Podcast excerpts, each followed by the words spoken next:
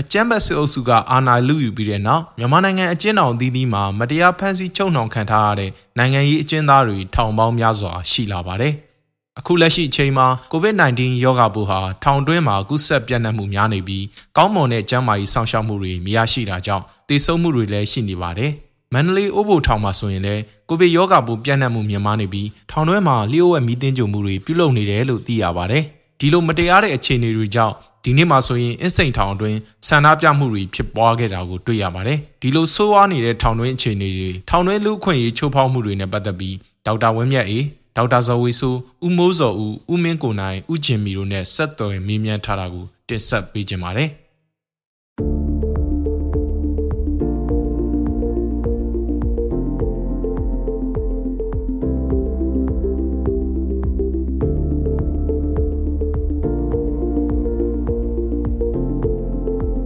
ခါမှာ COVID-19 ကတော်တော်ကိုပြင်းပြင်းထန်ထန်ဖြစ်နေပြီကုသက်ကလည်းအယမ်းမြန်တယ်ကုသက်အယမ်းမြန်နေဆိုတော့ကျွန်တော်အခုစဉ်းစားကြည့်တယ်ကျွန်တော်တို့နော်ဒီနိုင်ငံရေးအကျဉ်းသားတွေအပါဝင်ပေါ့အကျဉ်းသားတွေအကုန်လုံးဟာအကျဉ်းတောင်တွေထဲမှာဘလောက်ဒုက္ခရောက်နေကြမလဲဆိုတာဒါသိကြတယ်။ဘာကြောင့်လဲဆိုတော့အကျဉ်းတောင်ရဲ့သဘောတဘာဝအရာဆိုရင်နေရထိုင်ရတာကကုသက်မြန်တယ်တနေရာမှာစုဖွဲ့ပြီးတော့နေရတဲ့ဘယ်သူပဲစုဖွဲ့ပြီးတော့နေရနေရဘယ်နေရာမှာပဲဖြစ်ဖြစ်ကုသက်မှုကရမ်းမြန်တယ် အဲ့ချိန်ခါမှာ COVID-19 နဲ့ပတ်သက်ရင်ဒါကူးစက်အလွန်မြန်တဲ့အတွက်ကြောင့်စနစ်တကျစီမံထားဖို့လိုတယ်အခုဆိုလို့ရှိရင်သတင်းတွေကြားနေရတယ်เนาะအကျဉ်းတော်များအကျဉ်းစခန်းတွေထဲမှာဒီနေရတဲ့သူတွေကကူးစက်မှုတွေဖြစ်နေကြပြီအဲ့ဒီထဲကလည်းတချို့ကူးစက်မှုရှိပြီးတော့เนาะဒုက္ခရောက်ပြီးတော့ဆေးရုံတရားတဲ့လူတွေရှိတယ်ဆုံးမသွားတဲ့လူတွေလည်းရှိတယ်ဆိုတော့ဒါပေမဲ့အထက်မှာဖြစ်နေတယ်နောက်ခံစားနေရတယ်ဆိုတာကိုဘူးမှသိချာမသိကြဘူးဆိုတော့အချင်းချင်းအဲအများကြီးပဲကူးစက်နေမှသိကြတယ် တော့အဲ့ဒီထဲမှာရှိတဲ့လူတွေကတကယ်စဉ်းစားကြည့်လို့ရှိရင်ဒုက္ခရောက်လို့ရောက်နေကြဒုက္ခနဲ့ရောက်နေကြတဲ့လူတွေဒုက္ခတွေထပ်ပြီးတော့ခံစားနေရတယ်။ဒါကိုတည်တည်ချာချာဒီသက်ဆိုင်ရာတာဝန်ရှိတဲ့လူတွေကနေပြီးတော့ဒါကိုဆောင်ရွက်ဖို့အမြန်လိုအပ်တယ်။ဘာကြောင့်လဲဆိုတော့ဒါလည်းသူကလူသားတွေပဲ။လူသားတယောက်မှဒီအခွင့်အရေးတွေရရှိရမယ်။ဆိုတော့သူတို့ရရှိအသက်ရှင်တန်ခွင့်ဆိုတာသူတို့မှရှိရမယ်။စိတ်ကူးသားပိုင်ခွင့်ဆိုတာသူတို့မှရှိရမယ်။ထုတ်ဖော်ပြောဆိုခွင့်ဆိုတာသူတို့မှရှိရမယ်။သူတို့အနေနဲ့ဘာမှလည်းထုတ်ပြောလို့လည်းမရဘူး။ဒီအခွင့်အရေးတွေလည်းအများကြီးပဲဆုံးရှုံးနေတယ် ဆိုတော့ဒါတွေအတွက်ကိုဆောင်ရွက်ဖို့ဆိုတာနိုင်ငံတကာကလည်းဝင်ဖို့လိုတယ်နိုင်ငံတကာမှာလည်းဒီ ICRC လိုဖွဲ့စည်းမျိုးတွေကဒီကိစ္စမှာတာဝန်ရှိတယ်လို့ယူဆတယ်။ဘာကြောင့်လဲဆိုတော့ဒီ ICRC ဖွဲ့စည်းတွေရဲ့လုပ်ငန်းတွေကိုကြည့်လိုက်လို့ရှိရင်ဒီအကျဉ်းထောင်တွေအတွင်းမှာရှိတဲ့ဒုက္ခရောက်နေတဲ့သူတွေနဲ့ပတ်သက်ပြီးတော့ကုညီရမယ့်လုပ်ငန်းတွေအများကြီးရှိတယ်။ ICRC ကလည်းတော့တကယ်ဒီစစ်ကောင်စီနဲ့တွဲဆုံတဲ့အခါမှာတော့သက်ဆိုင်ရာအကြီးအကဲကလည်းပြောသွားပြီးသူတို့ရဲ့ပုံမှန်လုပ်နေတဲ့လုပ်ငန်းတွေကိုလှုပ်ဆောင်ခြင်းပါတယ်ဆက်လက်ပြီးတော့ စနစ်တကျထိတိရောက်ရောက်လှုပ်ဆောင်ခြင်းပါတယ်ဆိုပြီးတော့တောင်းဆိုသွားခဲ့တာရှိတယ်ဒါပေမဲ့အခုကြည့်ရတော့ဘာမှအကောင့်ထဲပေါ်တာကိုတော့မတွေ့ရဘူးအဲဆိုတော့ဒါအနေနဲ့တော့ဒီတည်တည်ချာချာအဲဆောင်ရွက်ဖို့လိုပြီနိုင်ငံတကာကလည်းဒီကိစ္စကိုအလေးထားပြီးတော့စဉ်းစားပြီးတော့ဆောင်ရွက်ဖို့လိုပြီဘာကြောင့်လဲဆိုတော့အခုအချင်းတောင်ကလူတွေကိုလည်းလွှတ်နေတာကြားတယ်တချို့ကိုလွှတ်လိုက်တဲ့အခါမှာဒီယောဂဒီဘယ်လိုပြန့်သွားမလဲလွှတ်တော့စနစ်တကျလွှတ်သလားလွှတ်ပြီးတဲ့လူတွေကိုဒီချာစနစ်တကျ quarantine ထားလား infection ပါလားမပါလားကူးစက်ရောဂါပါလားမပါလားဆိုတာစစ်ဆေးသလားစသဖြင့်ပေါ့စနစ်ကျလုံရမယ့်ကိစ္စတွေအများကြီးရှိတယ်။နောက်ဘယ်အဆင့်မှာဘလို့စနစ်ကျလှုပ်ဆောင်နေတယ်ဆိုတာလည်းပြည်သူတွေအတိအကျသိဖို့လိုတယ်။ကျန်တဲ့လူတွေလည်းအတိအကျသိဖို့လိုဒီလိုမျိုးပုံဝင်လင်းလင်းထုတ်ဖော်ပြောဆိုခြင်းလည်းမရှိဘူး။လုပ်ငန်းတိုင်းလုပ်ငန်းတိုင်းအဆင့်တိုင်းမှာ COVID-19 နဲ့ပတ်သက်ရင်ကာကွယ်ထိန်းချုပ်ကုသကိုစနစ်တကျလုပ်ဖို့ကိုလိုအပ်နေပြီအဲ့တော့အဆင့်တိုင်းအဆင့်တိုင်းမှာစနစ်မကျဘူးဆိုရင်ပြည်သူတွေကတဖြုတ်ဖြုတ်နဲ့တည်ဖို့ပဲရှိတော့တယ်အခုလည်းအားလုံးတဖြုတ်ဖြုတ်နဲ့တည်နေကြတယ်ဒါကူးဆက်ပြီးတော့ ကူးဆက်မြန်တာကူးဆက်မြန်လို့ကူးတာပဲကူးမှာပဲလို့ပြောပေမဲ့စနစ်တကျဆောင်ရွက်ထားခြင်းမရှိခြင်းဟာဒီလောက်ထိန်းချုပ်နိုင်တယ်မထိန်းချုပ်နိုင်ဘူးဆိုတာအဲ့ဒီပုံမှာမူကြည့်တယ်အဲ့တော့အခုကတော့လုံးဝမထိန်းချုပ်နိုင်ဘူးဆိုတာသိကြနေပါတ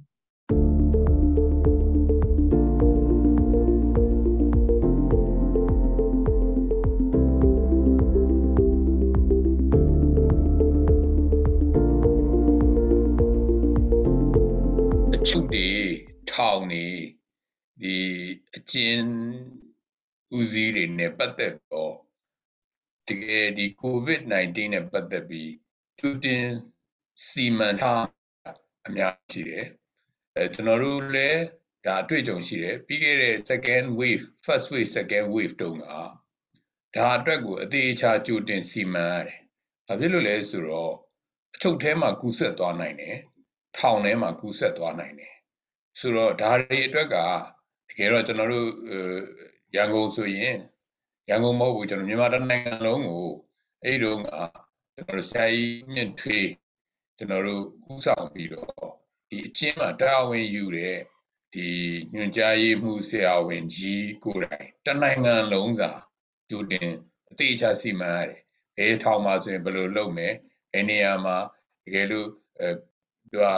မကူးဆက်အောင်ဘယ်လိုလုပ်မှာလဲကာကွယ်ခြင်းကိုဘယ်လိုလုပ်မှာလဲ နောက်တစ်ခုကတော့ညာထဲထဲမှာတကယ်လို့ဖြစ်ခဲ့ရင်အဲ့ဒီ positive ဖြစ်ခဲ့ရင်ဘယ်လိုမျိုး isolate လုပ်ထားမလဲခွဲထားမလဲပြီးရင်ယောဂလက္ခဏာပေါ်မှာဒီပြီးသူ့ကိုထောင်ထဲမှာပဲကုမလားထောင်ပြင်မှာကုမလားနောက် ICU လို့ရင်ဘယ်လိုလုပ်မှာလဲဆိုတာကိုတနိုင်ငံလုံးစာကျွန်တော်တို့ကြိုတင်စီစဉ်ရတယ်အဲ့လိုစီစဉ်ထားဖို့လိုတယ်ကျွန်တော်တို့အပြင်မှာတော့ တကယ်အပြင်မှာကျွန်တော်တို့ဒီတနိုင်ငံလုံးစာကိုသူတို့စီမံခန့်ခွဲမှုမရှိဘူးဆိုရင်ကျွန်တော်တော့ထောင်ထဲမှာလည်းဒီကိစ္စစီမံခန့်ခွဲထားလိမ့်မယ်လို့ကျွန်တော်တော့မထင်ဘူး။ဒါကြောင့်လည်းအခုလိုမျိုးကူးဆက်ပြီးဖြစ်နေတယ်လို့ကျွန်တော်တော့ထင်တယ်။ဒါနဲ့ပတ်သက်ပြီးတော့တကယ်တော့အသက်တွေဆုံးရှုံးရတာဟာဒါလူအခွင့်အရေးတွေဆုံးရှုံးတာ ਨੇ အတူတူပဲလို့ကျွန်တော်တော့မြင်တယ်။အခုလိုမျိုးဖြစ်နေရတာ။အဲတော့ကျွန်တော်ဒါနဲ့ပတ်သက်ရင်လုံးဝကျွန်တော်တို့အရန်ကိုစိုးရိမ်နေစိုးရိမ်နေ။ နောက်ကျွန်တော်တို့တွေရဲ့ဒီအဲအကျဉ်းသားတွေပေါ့နော်အားလုံးနိုင်ငံရေးရောအားလုံးတွေအတွက်ဒီလူအခွင့်အရေးနဲ့ပတ်သက်ပြီးကျွန်တော်စိုးရိမ်ပါတယ်ကျန်းမာရေးအခွင့်အရေးနဲ့ပတ်သက်ပြီးစိုးရိမ်ပါတယ် right to health နဲ့ပတ်သက်ပြီးကျွန်တော်တို့အရန်ကိုစိုးရိမ်တယ်ဒီကိစ္စကိုတကယ်တော့အဲစီမံခန့်ခွဲဖို့လို့ကျွန်တော်တို့နိုင်ငံတကာအနေနဲ့လည်းကျွန်တော်ညနေပြီးတော့ ICRC လည်းတကယ်တော့လာသွားပြီးသား ICRC အကြီးအကဲလည်းလာပြီးသား ဒါနဲ့ပတ်သက်ပြီးတကယ်တော့ဒီအချိန်မှာအရေးပေါ်ကျွန်တော်တို့နိုင်ငံတကာကဒီအရာနဲ့ပတ်သက်ပြီးဆောင်ရွက်ဖို့လိုတယ်လို့မြင်တယ်ကျွန်တော်တို့တွေရဲ့တကယ်တမ်းကျတော့ဒီနိုင်ငံရေးပတ်သက်ပြီးတော့အခုအချင်းရနေတဲ့အိမ်သိခံထားရတဲ့သူတွေရဲ့ကျန်းမာရေးအန္တရာယ်အသက်အန္တရာယ်ဟာအရန်ကိုစိုးရိမ်စရာကောင်းတဲ့အနေအထားကိုရောက်နေ။ဒါနဲ့ပတ်သက်ရင်တကယ်တော့အဲနိုင်ငံတကာခုနလိုစောင့်ကြည့်အဖွဲ့အစည်းများနဲ့ပါအသေးချာချိတ်ဆက်ပြီးတော့ တကယ်တော့ပွင့်လင်းနေတယ်ဒါတဲ့စီမံချက်တွေလိုအပ်ရင်ကျွန်တော်တို့ဒါတွေအားလုံးနိုင်ငံတကာကပါပါဝင်ပြီးဖြည့်ဆည်းသင့်တယ်လို့ကျွန်တော်မြင်တယ်ကျွန်တော်တို့တို့ကဒါကိုထောင်ထဲမှာတော့တီးကြကျွန်တော်တို့အဆောက်အဦအသစ်ဆောက်ပြီးတော့တီးကြကျွန်တော်တို့ isolate လုပ်နိုင်အောင်စီစဉ်စီမံတာတွေကျွန်တော်တို့ဆောင်ရွက်တာတွေကိုကျွန်တော်တို့သိရှိအမှတ်ရနေတယ်ဒါအပြင်ပြင်မှာလဲကျွန်တော်တို့ဆေးရုံတွေမှာဒီအကျဉ်းကြတဲ့သူတွေအတွက်ကျွန်တော်တို့တီးကြကျွန်တော်တို့ ဒီ positive ဖြစ်ခဲ့ရင်ထားနိုင်တဲ့နေရာ ICU လိုရင်ထားနိုင်တဲ့နေရာတွေကိုအသေးချာစီမံခန့်ခွဲဆောင်ရွက်ခဲ့တယ်လို့ကျွန်တော်တော့ဟိုပြောချင်တယ်အဲ့ဒါမျိုးခုချိန်မှာဆောင်ရွက်ထားတဲ့အပြင်ဒီချိန်မှာကတော့ကျွန်တော်တို့ဒီဟာနဲ့ပတ်သက်ရင်အားလုံးပါဝင်ပြီးတော့စောစောနိုင်ငံတကာရဲ့အဖွဲ့အစည်းတွေထူးသဖြင့် ICRC ပါဝင်ပြီးတော့ဒါကိုအခုချက်ချင်းရေးပေါ်ကိုစောင့်ကြကြည့်ရှုပြီးစီမံခန့်ခွဲတင်တယ်လို့ကျွန်တော်တို့မြင်ပါတယ်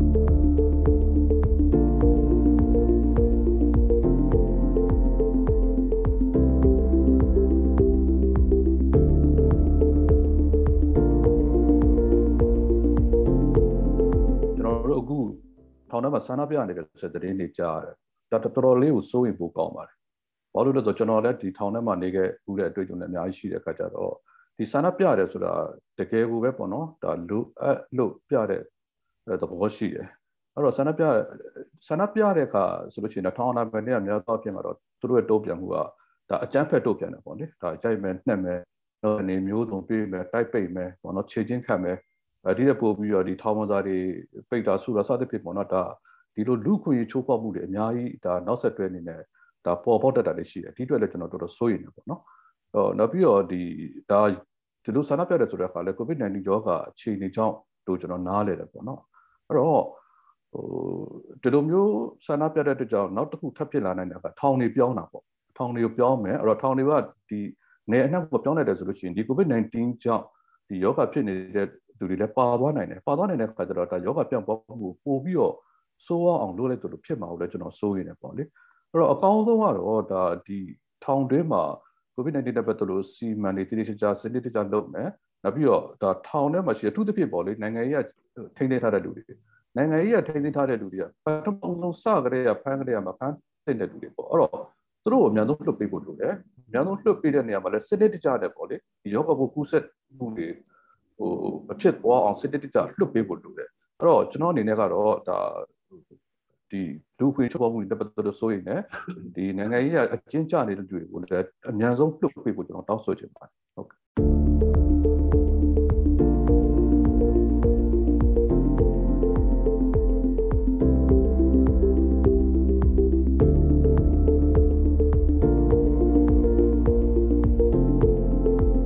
့မနေ့တနေ့ကပဲစဉ်းစားကြည့်ဗျာ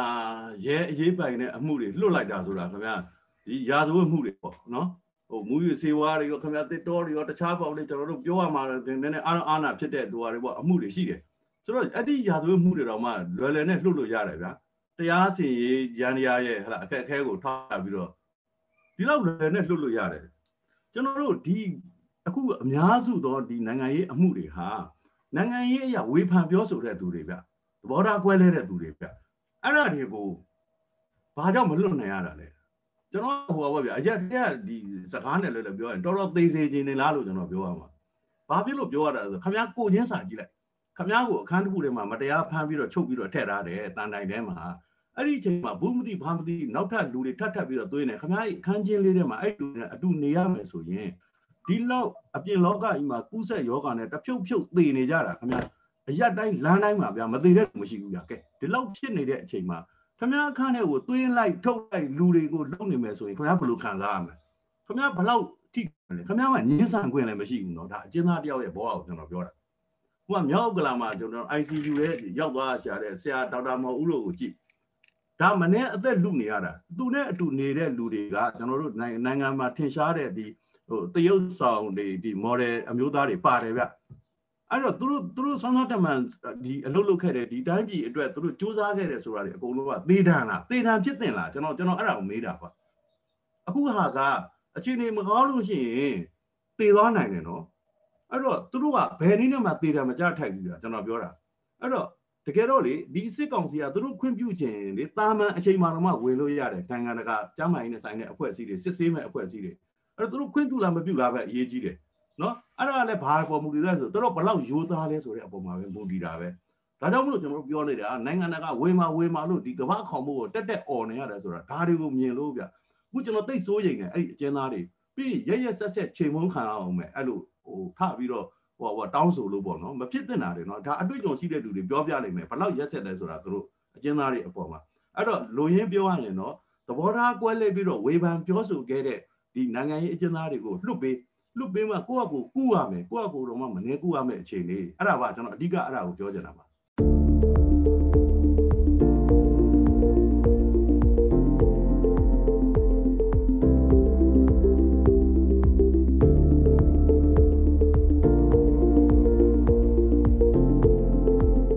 ဒီမနေ့ကြားရတဲ့ဒီထောင်ထဲမှာကျွန်တော်တို့ဆန္ဒပြနေတဲ့အခြေအနေဟာ ဒါကျွန်တော်တို့လိုပဲဒါဟိုတိတဲ့လူတွေအကုန်လုံးကစိုးရင်ပူပန်ကြတယ်အထူးဖြင့်ကျွန်တော်တို့ဒီအကျဉ်းတော်မှာဆန္ဒပြပွဲတွေအဲ့ထမှာပါခဲ့ပြီးတော့အရိုက်နဲ့ခံခဲ့ရဘူးတဲ့အဲကျွန်တော်တို့လူမျိုးတွေပေါ့လေသူတို့ပို့ပြီးတော့စိုးရင်လည်းဗျ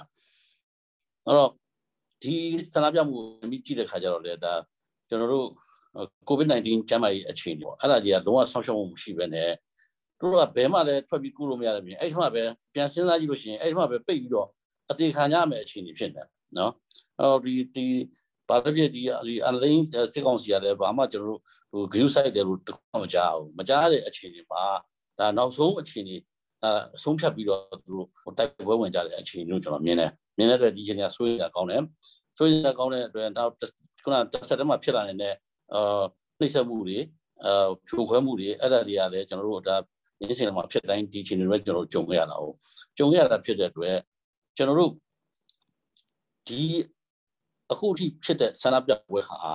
နော်ကျွန်တော်အရင်ကြုံခဲ့တဲ့ဆန္ဒပြပွဲတော့မတူဘဲနဲ့တကယ်ကိုကျွန်တော်တို့အသက်ဘေးအန္တရာယ်နဲ့ရင်ဆိုင်နေရတဲ့အခြေအနေနော်လုံးလုံးရရင်ဆိုင်နေရတဲ့အခြေအနေတစ်ခုဖြစ်တယ်ဆိုတာကိုတော့ကျွန်တော်မှတ်ချက်ပြုရတယ်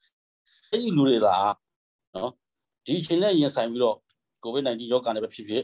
အဲ့ဒီပုံမှာထပ်ပြီးတော့ဆန္ဒပြလို့နှိပ်ကွပ်မှုဟလာရဲစမှုကြောင့်သေဆုံးတော့တယ်ဖြစ်ဖြစ်စစ်ကောင်စီဟာကြီးမားတဲ့နောက်ထပ်ရာစုမှုကြီးကျူးလွန်နေဆိုတော့ကျွန်တော်ကြိုပြီးပြောထားနေတာနော် အဲ့ဒါတော့ကျွန်တော်ကြိုပြီးပြောလိုက်နေတာ